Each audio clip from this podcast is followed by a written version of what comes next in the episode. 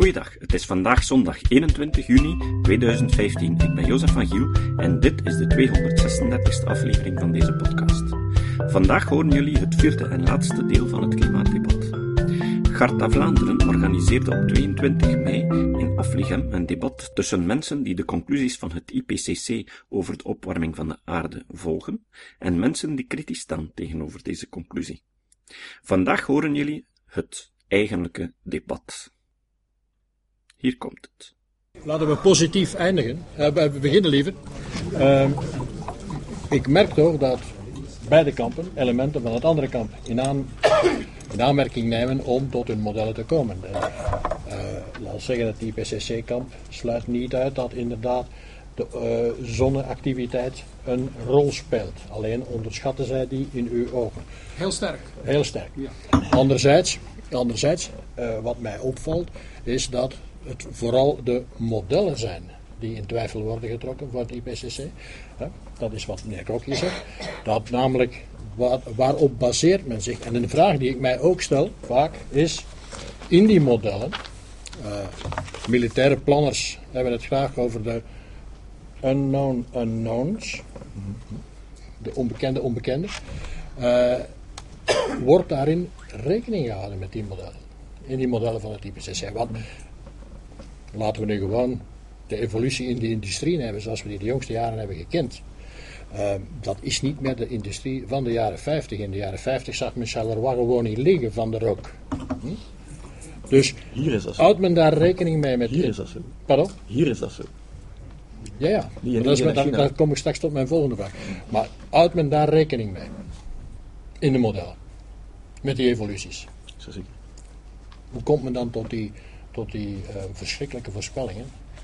Over 300 jaar en dergelijke. Want men weet toch dat er grote evoluties aan de gang zijn. In de industrie, in de industrie en in het gebruik van energie. Dat is, als dat een specifieke vraag is. Ja. Ehm, wel, dat, dat komt er eigenlijk op neer.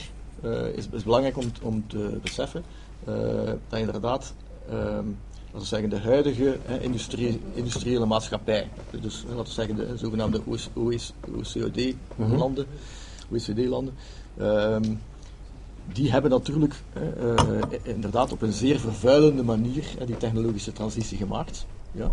Um, en de, en um, op dit moment ja, zijn laten zeggen, de emerging economies, ja, dus de, de, Mhm. de, de, de beginnende industrielanden, zijn eigenlijk op dezelfde manier ja, eh, zeer vervuilend uh, aan het werk gaan.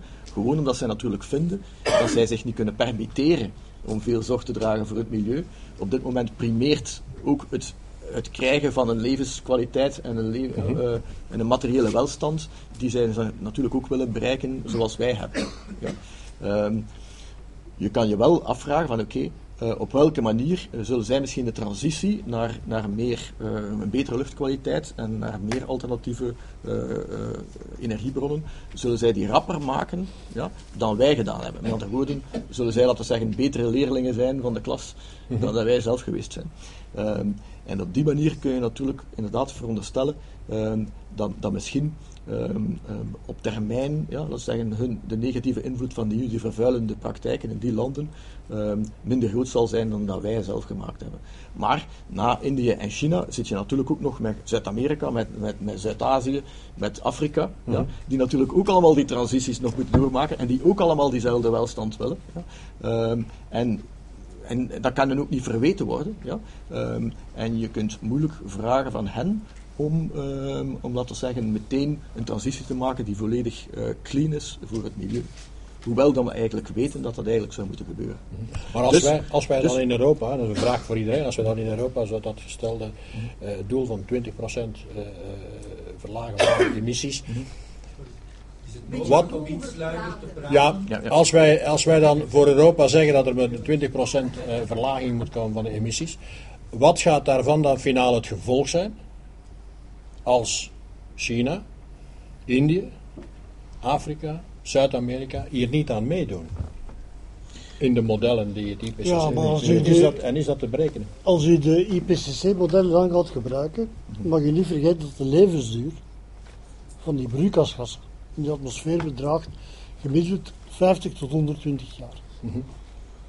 Dus dat wil zeggen, als u vandaag beslist, we stoppen met de uitstoot van die broeikasgassen, of we laten iedereen stoppen, dat wij nog minstens gedurende een periode van een dertigtal jaar een stijging van temperatuur zullen meemaken. Niet misschien in de orde, die orde van stijging die voorspeld is door het IPCC, maar die stijging zal blijven doorgaan. Omdat die gassen nog altijd aanwezig zijn in de atmosfeer. Dus het heeft weinig, volgens mij weinig zin om te zeggen, we stoppen vandaag met die uitstoot en we, we verplichten een, een akkoord zoals Kyoto er geweest is in de tijd, en zoals er waarschijnlijk een nieuw zal komen. We verplichten die landen, maar die landen gelijk India en China, zoals Dirk zegt, om economische redenen gaan die niet meedoen. Zo simpel is het. Die zitten in een boost. Dus die mensen gaan niet, gelijk tevoren, de grootste vervuiler waren de Verenigde Staten. Die hebben Kyoto ook niet getekend. Waarom niet? Om economische, louter economische redenen. Punt en uit. Dus zie ik het, het belang van België als land. Wat kunnen wij ondernemen? Nee, Ik spreek over eerder- Europa, ik spreek over Europa. Ik denk dat we eerder op, op Europees gebied iets moeten ondernemen. Mag ik twee? Ehm, Wat ten e- erg belangrijk Ja. is, is het investeren in duurzame vormen van energievoorziening. We zullen op termijn toch af moeten van die fossiele Ja, daar, brandstoffen. daar is iedereen het over eens. Daar is iedereen maar, daar wil ik wel twee kanttekeningen maken. Ten eerste is het zo dat China wel degelijk op dit moment eh, zeer sterk aan het inzetten is op alternatieve energiebronnen. Zowel zonne-energie als windenergie. En daar veel minder eh, rekening houdt met lokale mensen hun wensen van... Ze hebben ook 25 eh, kernreactoren besteld bij de Japanners. Ja, inderdaad. Ja. Maar eh, dat is zeker het geval. Ja, oké. Wel, maar ehm, het probleem van kernreactoren, 20 jaar geleden was dat het groot probleem. Ja, en nu wil iedereen ze open houden. Ja, omdat het duidelijk is van, oké, misschien hebben we geen alternatief. Ehm, maar ik wil maar zeggen, het, het is duidelijk... Bent u ook van dat oordeel? Wat? Dat men waarschijnlijk geen alternatief heeft dan ze open te houden? Eh, wel... ehm, We houden het hier onder ons. We houden nu het, uw antwoord onder ons hier. Zeg maar, Dus dat- nog niet. Nog, nog niet, maar, Ja. maar inderdaad, eh, misschien wel, maar dan zeker maar niet de huidige generatie kernreactoren. Ja. Ze moeten dan wel vervangen worden door, door nieuwe. Nu, eh, ja. Maar eh, het punt is, ja, is dat zelfs dus een land zoals China eh, effectief wat dat betreft, eh, laat zeggen, het overstap naar alternatieve energiebronnen eigenlijk al sn- duidelijk sneller eh, beweegt dan dat wij gedaan hebben. Ja, nog 10 of 20 jaar geleden. Dus daar kan hij zeker niks verwe- verweten worden. Ten tweede is het zo, er wordt altijd maar gezegd van oké, Amerika was de grootste vervuiler. Ehm, het is zo dat natuurlijk, Amerika is natuurlijk wel een groot land. Ehm, op, ehm, op Europese schaal is de per capita eh, voetafdruk ja, ehm, is van Europa is lager dan die van Amerika. Maar België ja, staat gelijk met Amerika aan ecologische voetafdruk. Dus wij hebben helemaal geen reden om de Amerikanen eh, de zwarte piet toe te schuiven. Had u hier nog een reflectie bij? Nog niet. Nee. Wel, ehm, wat mij verbaast ook bij het, wat, wat ik mij, de vraag die ik mij stel is, eh, die hele discussie hier, is de, de grote ergernis die is gegroeid gaandeweg over, laat ik het noemen, de arrogantie van het IPCC. Als ik van Ieperzeel hoor zeggen dat eigenlijk al wie twijfelt aan de modellen van het IPCC eigenlijk een soort negationist is, die voor de rechtbank moet worden gebracht, dan moet ik zeggen, dan word ik toch wat ongerust als die man ooit voorzitter wordt. Of u niet? Ehm, wel, je kunt natuurlijk zeggen dat dat misschien net is de manier van, Ja. van formulering ja, eh, naar, naar, ehm, eh, kan misschien eh, soms wat kassant lijken. Ja. Ehm, maar je mag toch niet vergeten dat zelfs dus die, de, laat zeggen, de consensus opinie, ja, of de conclusies, zoals ze in het IPCC-rapport staan, is, is eigenlijk al, dus niet alleen een consensus van al de wetenschappers, maar is eigenlijk ook al met eh, inbegrip van, van de opinies van alle mogelijke stakeholders, voornamelijk dus door, dus door, door, ehm, door de overheden aangesteld om eh, die, eh, die, die besluiten eigenlijk min of meer te controleren en te toetsen. ja. Dus wat dat betreft is hetgeen dat in de IPCC-rapporten staat ehm, eerder voorzichtig geformuleerd dan sterk geformuleerd. Wat betreft de voorspelde veranderingen. Ja. Maar is niet- dat het is natuurlijk zo. Ja. Uw mening. Nee, dat is niet wat nee. ik eruit eh concludeer. Nee. Ehm, Nee, maar u mag, ook, maar- u mag ook niet concluderen dat het IPCC de Bijbel is voor ons. Ja. Wij als wetenschappers, wij lezen die rapporten. Nu, het assessment rapport nummer 5, waarover u het daar straks had, wordt ook door ons gelezen en beoordeeld. We hebben er ook onze eigen mening over. Ja, maar geeft u- En, waar, en u waar lezen we die? Waar lezen we die? Wat is, wat is die mening bijvoorbeeld over, over het jongste rapport? Bijvoorbeeld? Wat, waar heeft u dan weer, Waar laten we u- zeggen, waar- twijfels? Wel, Waar wij, u- u hebben, wij stellen ons daar vragen over. Daarom dat we ook een eigen limited area model gemaakt hebben. Bedoel. En dat we ons niet baseren op de global CEM's models van, de- van het IPCC. Als het België betreft, natuurlijk. Maar u bent daar niet... Wel, het probleem is altijd, is inderdaad, ehm, je moet zowel de, de tijdschalen als ook de ruimteschalen moeten natuurlijk wel goed krijgen. Ja? Ehm, en het is eh, helemaal juist, uiteraard, dat eh, zowel de geschiedenis van het klimaat in België, ja, ehm, als ook de toekomst van het klimaat in België, hoeft niet perfect overeen te komen met de wereld, de globale voorspellingen van het IPCC. Ja? Ehm, en eigenlijk is ook, dat ook het verhaal van, van Bas, ja, is dat ehm, eh, we weten ja, dat West-Europa eh, op wereldschaal gemiddeld gevoeliger is voor variatie in zonnestraling dan, hè, dus dan gemiddeld op wereldschaal. Het is ook daarom dat wij hier in Europa een duidelijke kleine ijstijd hadden en een duidelijk middeleeuws optimum, maar dat zeker geen wereldwijd fenomeen is. Ja? En dus, eh, en dus op, in, in die zin ehm, zijn er inderdaad bepaalde ehm, klim, eh, zeggen, klimaatzones, waar dat, laten we zeggen, de verschillende klimaatprocessen eh, en ook de interactie tussen oceanen en continenten en atmosfeer zodanig met elkaar eh, koppelen, ja, dat je lokaal ja, een iets wat grotere gevoeligheid kunt hebben of minder grotere gevoeligheid, met als gevolg dat je inderdaad eh, op bepaalde verschillende plaatsen op de wereld duidelijk ook die lange termijn invloed van de zon kunt merken. Maar als je dat uitmiddelt over de ganse wereld, ja, dan zie je dat dus dat effect veel kleiner is. Ja. Ehm, en dat is ook wat, wat dus eigenlijk ook wat ik proberen aan te tonen heb hè, met, die, met de grafiek van de laatste duizend jaar. Daar zijn effectief ehm, allemaal die reconstructies. Dat is eigenlijk min of meer als je zo met een spaghetti-plot, zoals eh, meneer zei. Ja, dat heeft te maken met het feit dat eh, de verschillende reconstructies ehm, gedomineerd worden door datasets die uit bepaalde gebieden komen, of bijvoorbeeld alleen maar boomringen gebruiken, die ook hun eigen afwijkingen hebben. Maar waarbij dat, ehm, dat is zeggen, het, de samenvoeging van allemaal die, die, die verschillende grafieken wel een redelijk goed beeld geven van de eh, hoofdtrends die op wereldschaal zich hebben voorgedaan.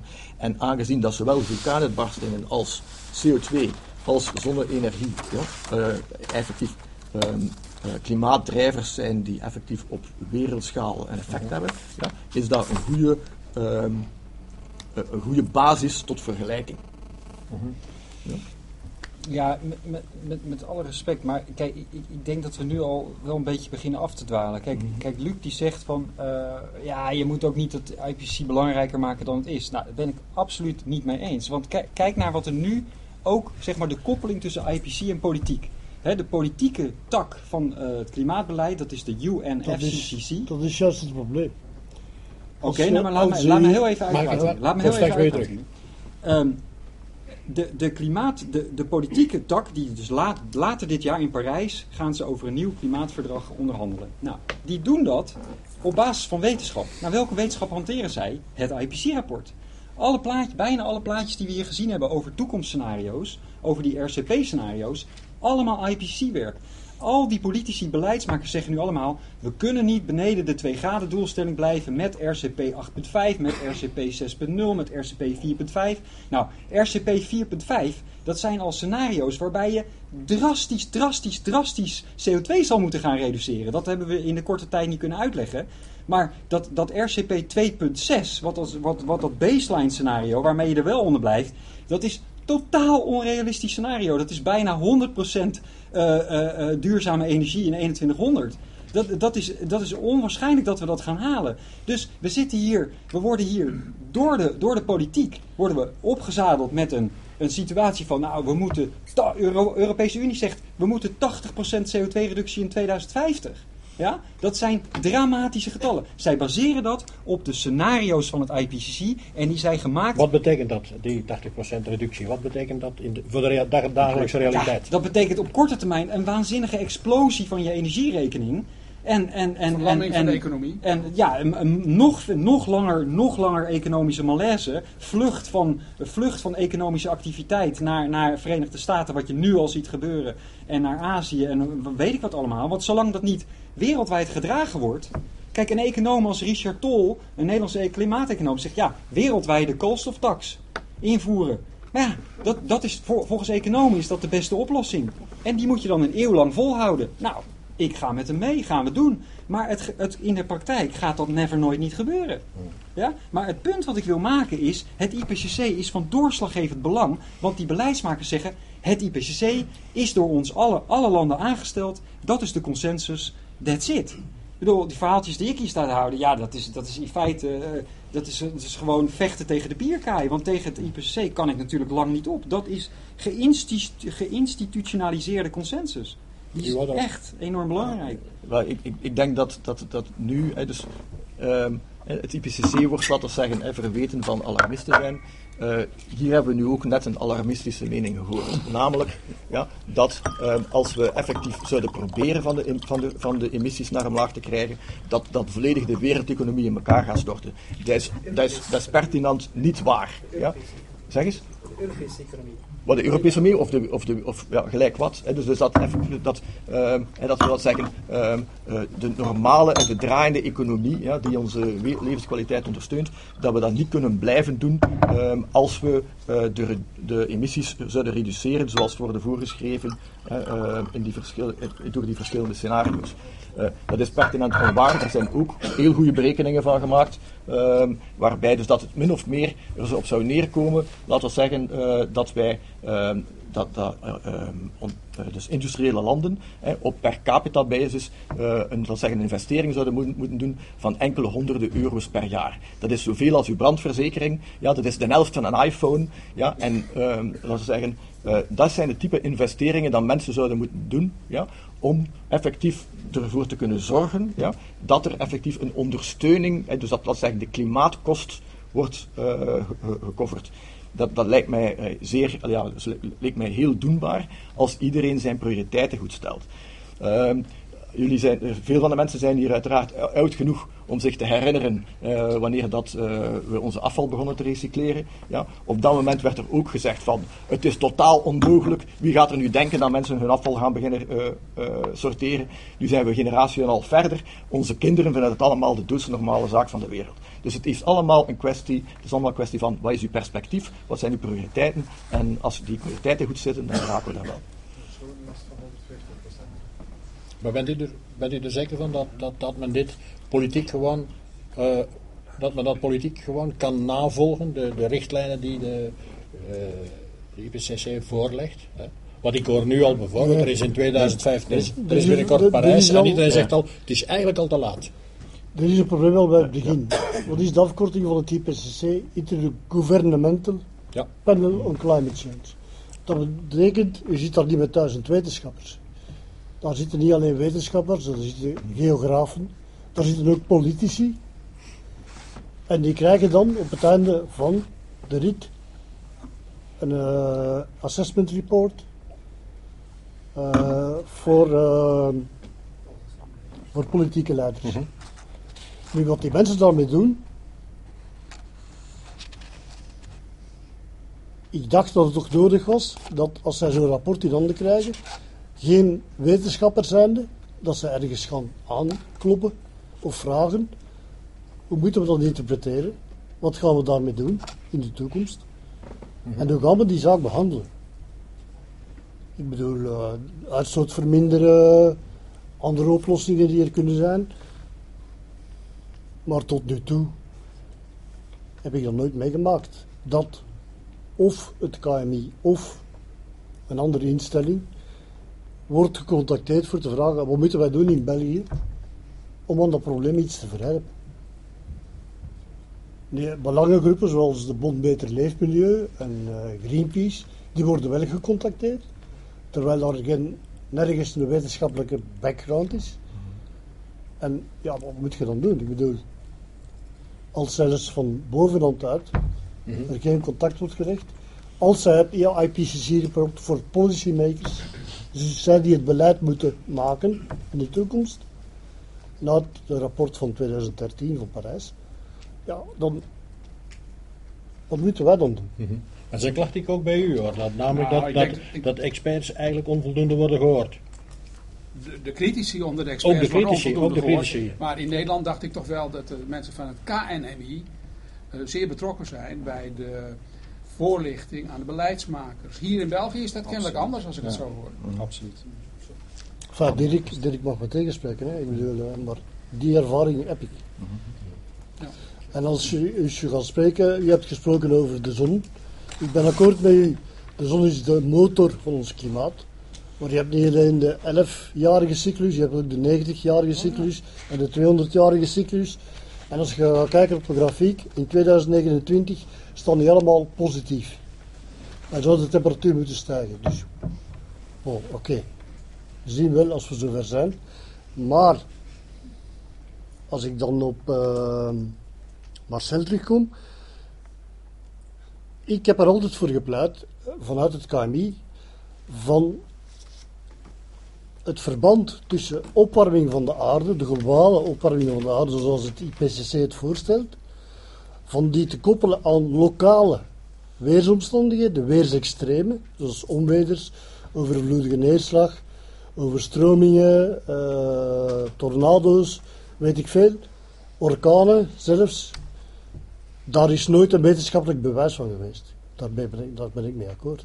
Dus u bent akkoord hier met het Ja, ja, dat ja, daar is geen bewijs voor dat dat geleid Want onlangs hoorden we zelfs de onzinnige bewering, volgens mij onzinnig, dat de aardbeving in Nepal eigenlijk ook een gevolg was. Hè? Maar het werd wel verkocht. Wel, nu moet ik wel een kanttekening maken. Eh, hey, het is wel degelijk zo, ja, dus dat, ehm, dus wat het ook belangrijk is om te weten, is dat gelijk welk individueel extreem event, ja, eh, kun je nooit toeschrijven aan een, een, een klimaatverandering. Ja. Ehm, ehm, de, de zaak is natuurlijk, eh, zien we een verandering in de frequentie, ja, dat eventueel parallel loopt met de toename in de temperatuur. Eh, en daar is het zo dat, ehm, dat er wel degelijk eh, een aantal ehm, gebeurtenissen zijn, weerfenomenen zijn, waar dat er wel degelijk een trend zich begint te manifesteren, maar die op dit moment nog niet statistisch hard kan gemaakt worden. Ja? Zoals daar zijn. Wel, wel, inderdaad. re- De frequentie van de tropische cyclonen. Tropische cyclonen. Ja. Ja, of... eh, De, de, de, de, de trends waar u het over heeft, die flat, eh, eh, plat blijven, zijn eh, de frequentie van de categorie 5 ehm, eh, orkanen. Ja, en, en, en, de, en in de Atlantische Oceaan. Ik, ontvang Ja, graag een referentie naar een paper waarin jullie Ja. aantonen dat de tropische cyclonen in activiteit eh, toenemen. Die, eh, die, heb Nee, ik, die heb ik niet dat heb ik nooit beweerd. Ja, dat ik zeggen heb het jullie net. Daar is Of bedoelen jullie dat het die laatste? IPCC-rapport, maar ik ga er nu naar refereren omdat het zo is, dat wat type 5 eh tyfonen of Orkanen. Dat zijn de extreme dus. ja, zijn dat extreme, zijn ja, extreme, ja, ja, gelijk ja. Hainan, eh, vorig ja. jaar op de Filipijnen, dat er likely, zoals het staat in het IPCC-rapport, een, intensi- een eh, toename zou kunnen zijn in intensiteit qua neerslaghoeveelheden en windsnelheden. Maar niet in de frequentie van het aantal types. Vijf. Dat is iets helemaal anders. Want na Katrina dacht men, oh, maar de periode waarover dat men over voldoende eh, betrouwbare waarnemingen beschikt, die dateert pas vanaf einde de jaren 70. Als men gebruik is gaan maken van eh, satellieten, weet ik allemaal, satellietwaarnemingen, en zelfs vliegtuigen naar die tropische cyclonen sturen. Dus die periode is te kort om statistisch iets waardevol te kunnen zeggen daarover. Ja, we, gaan er, we gaan er zo een beetje van uit dat allemaal die weerfenomenen, dat, dat iemand al 150 jaar geleden dat allemaal goed heeft, heeft, heeft zitten opmeten. Op dat moment was dat natuurlijk nauwelijks het geval. Ja, ehm, en, ehm, en, en op zeer verschillende manieren, eh, zodanig dat dat, dat dat soort data die eventueel hier en daar te vinden zijn, bijna onmogelijk op een betrouwbare ni- manier te combineren zijn met data van de laatste 30 Nee, maar jaar. Bas van Geel zegt, Ja. het heeft toch wel over andere metingen die aantonen, en die, die waar pertinent mee kan aantonen, welke de, welke de modellen en de verschuivingen zijn geweest. Bijvoorbeeld, ik geef een klein voorbeeld, maar ik, op een zeker ogenblik ontdekt men daar in, Oost, in Oostenrijk, eh, in een, van onder een gletsjer, de, de fameuze Jetsi. Blijkt dat hij in zijn, sinds zijn dood minstens vijf keer boven het ijs is geweest. Dus het heeft, toen werd dat voorgesteld van kijk eens jongens, de gletsjers trekken terug, opwarming van de aarde. Kijk, terwijl die eigenlijk, heeft men dan vastgesteld door andere metingen, dat hij eigenlijk al vijf keer boven het ijs was geweest. Maar ja, het, Hoe legt men dat uit? het klimaat is nog nooit stabiel geweest. Ja. En de enorme gevoeligheid voor veranderende zonneactiviteit is onmiskenbaar. Ik heb een paar voorbeelden kunnen laten zien. Ik had het enorm kunnen uitbreiden. Je ziet steeds weer, zonneactiviteit verandert, het klimaat gaat mee. En dat is ook wat de vorige eeuw gebeurd is. Dat kan niet anders dan dat een groot deel van de temperatuurstijging was toegenomen zonneactiviteit. Met enige vertraging. Natuurlijk is er vertraging. Als je water opzet voor je kopje thee, duurt het langer voordat het warm is. En als de bron wegvalt van de opwarming, dan duurt het nog weer een tijdje voordat het afkoelt. Zo gaat het ook. De komende jaren zijn ongelooflijk belangrijk. Want dan gaan we zien of die verminderde zonneactiviteit werkelijk zo belangrijk is als sommige sceptici denken. Als dat zo is, dan gaat die temperatuur terug. Dan gaat die aanzienlijk terug. En dan krijgen we pas echte duidelijkheid. Tot die tijd kunnen we discussiëren, maar eruit komen we niet. We weten nog zoveel niet. En we zullen moeder natuur moeten afwachten om te zien wat er gaat gebeuren. Hey, daar ben ik het niet volledig mee eens, Bas. Nee, niet. respect. Is, is dat dus zelfs... Daarom zit hij hier. Ja, ja dus, zelfs, dus zelfs al zou er een onderschatting. Dus in de afgelopen eh, 20, 30 jaar eh, hebben, hebben, zijn er al diverse scenario's naar voren gebracht. ehm, om die zogezegde eh, amplifieringsmechanismen eh, van zonnestraling op het effect op het klimaat eh, te, kunnen, te kunnen aantonen. Ehm, en die zijn eigenlijk allemaal, eh, die zijn allemaal tekortgeschoten. Ja? Ehm, wat uiteindelijk wel eh, duidelijk is, is dat je eh, je hebt klimaatreconstructies die ver genoeg teruggaan ja, eh, om te kunnen testen of dat, laten we zeggen, er een, de timing van de veranderingen, hè, dus de, wanneer precies de veranderingen gebeuren in wereldtemperatuur, al of niet overeenkomen met de timing van wanneer dat de variatie gebeurt in zonnestraling. Ja. En als de zon effectief een dominante invloed zou hebben, zoals Bas beweert, dan zou, eh, zou die timing uiteraard, ja, wanneer precies eh, heb je de grote veranderingen in, de, in, in dus de effectief de gebeurde klimaatgeschiedenis, zou dat moeten samenvallen. En dat is helemaal niet het geval, behalve in een aantal lokale regio's, bijvoorbeeld inderdaad in, in West-Europa. Ehm, waar ik heb zelf ook werk in, in Oost-Afrika, eh, waar, dat, ehm, waar dat, dat zo blijkt te zijn. Maar dat kun je helemaal niet veralgemenen wereldwijd. En daardoor ehm, blijft het een feit dat op wereldschaal ehm, de zon wel degelijk maar een beperkte eh, rol speelt in de huidige opwarming. En dus ehm, zou ik, eh, verwacht ik niet, zou, vind ik, zou ik het zeer onwaarschijnlijk vinden ehm, dat een eventuele afname van de zonactiviteit, als die er al komt, ook een significante eh, vertraging van de opwarming zou. Dirk, je zegt dat, dat dat soort veranderingen, die samenhangen met veranderende zonneactiviteit, dat die maar beperkt zijn, beperkt zijn tot de gematigde gebieden of tot Europa. Weet je wat de beperkende factor is? Het aantal studies waar in detail gekeken wordt naar die samenhang. Dat is wat we in Europa hebben gedaan. Nee, Daar hebben we bereikt dat we die samenhang zien, Ja. dat we het ook begrijpen, dat er versterkingsmechanismen moeten zijn.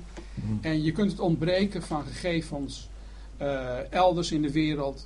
Kun je, dat heeft puur te maken met het feit dat we de detailstudies daar niet hebben. Nog niet. Dat, toch wel, dat kon je, kon je misschien 10, 15 jaar geleden wel zeggen, maar nu niet meer. Nu zijn er voldoende studies wereldwijd eh, waardoor je duidelijk kunt zien, ehm, bijvoorbeeld iets gelijk een kleine ijstijd of een middeleeuws optimum, dat inderdaad in belangrijke mate ge- gedreven is door variatie zonnestraling, dat dat duidelijk geen wereldwijd fenomeen is. Dirk, jij en ik weten dat als je in de tropen bent, in het gebied van het tropisch regenwoud. En je hebt een verschuiving waarbij daar geen drempels overschreden worden, dat je ze daar ook niet registreert.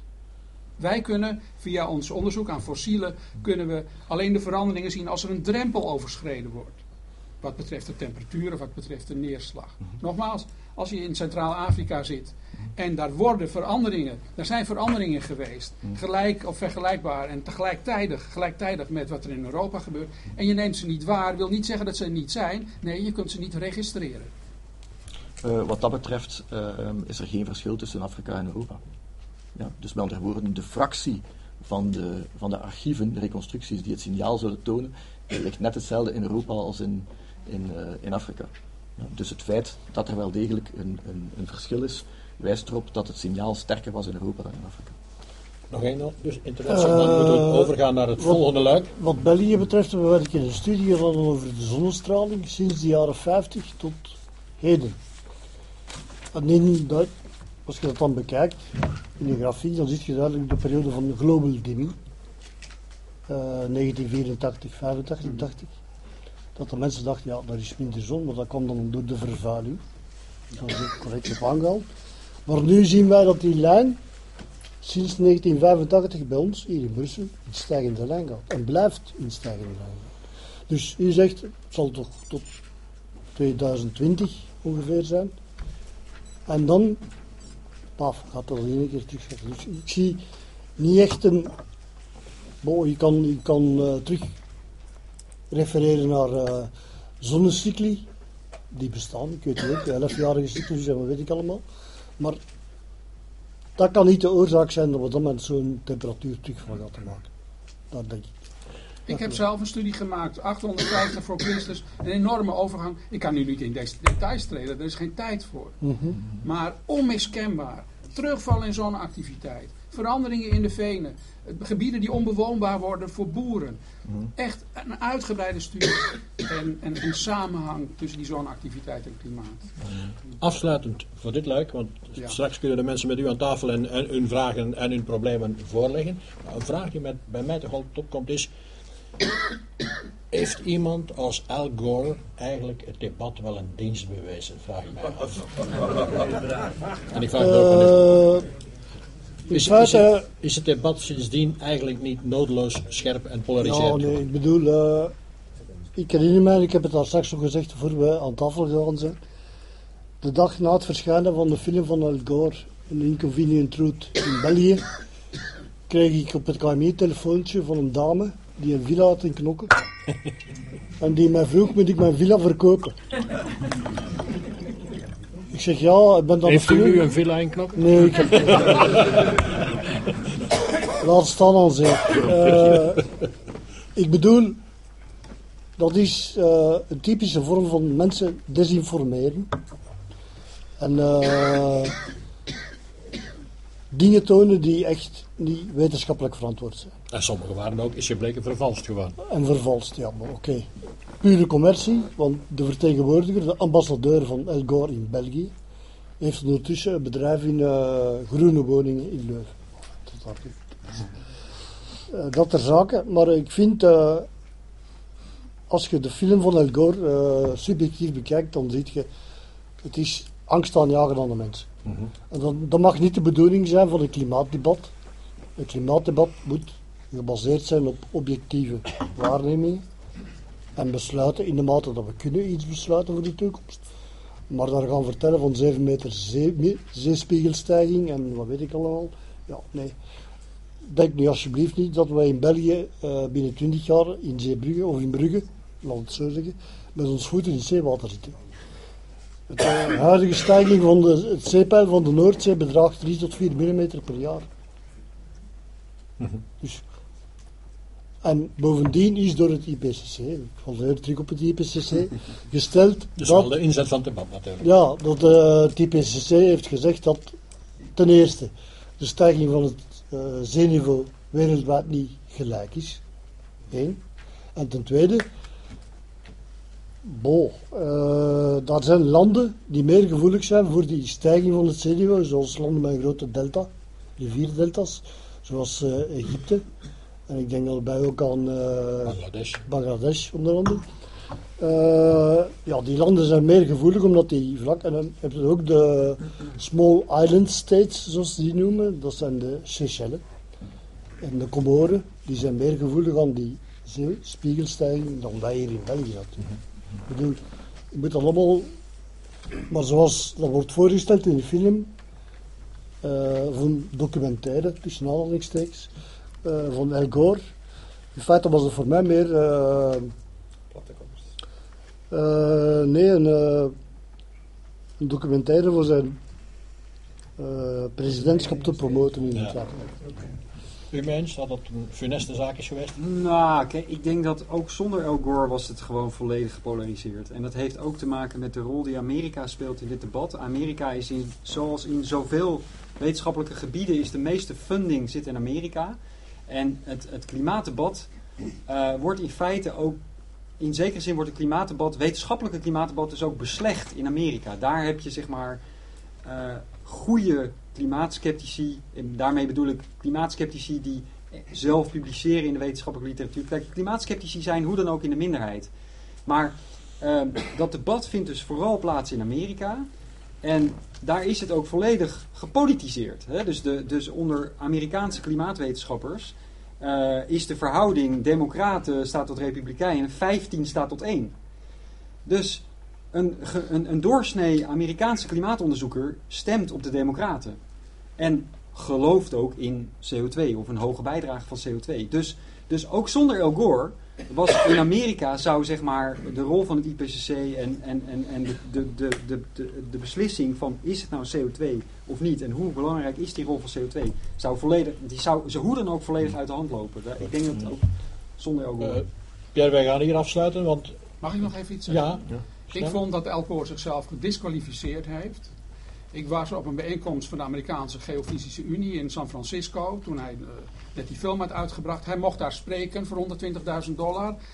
Uh, het, was klapvee in de zaal. Ik was de enige die niet klapte. Ik keek ver om me heen. Het was zeer teleurstellend hoezeer mensen reageerden op het feit dat hij... Dat, dus Al Gore maakte het vakgebied belangrijk op die manier. Door zijn alarmisme. Ik vond dat een schande. Laten we het hier afruimen. afronden. En verkoop dus toch niet uw villa aan zee. ja. Dames en heren.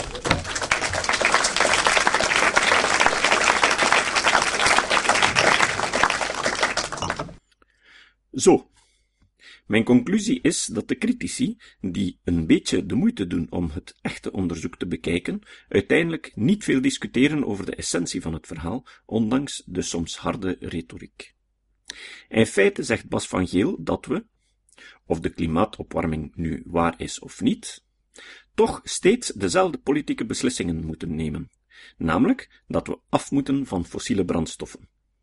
En Marcel Krok zegt dat in essentie ook. Alleen vertelt hij erbij dat we meer tijd hebben dan het IPCC beweert, omdat volgens hem de invloed van CO2 kleiner is dan wat het IPCC schrijft.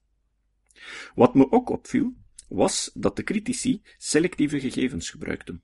Zo wees Dirk Verschuren erop dat de grafiek van Bas van Geel enkel de gegevens van het noordelijk halfrond bevatten en dat de grafiek van de temperaturen van de ganse aarde wel degelijk een stijgende lijn blijven houden.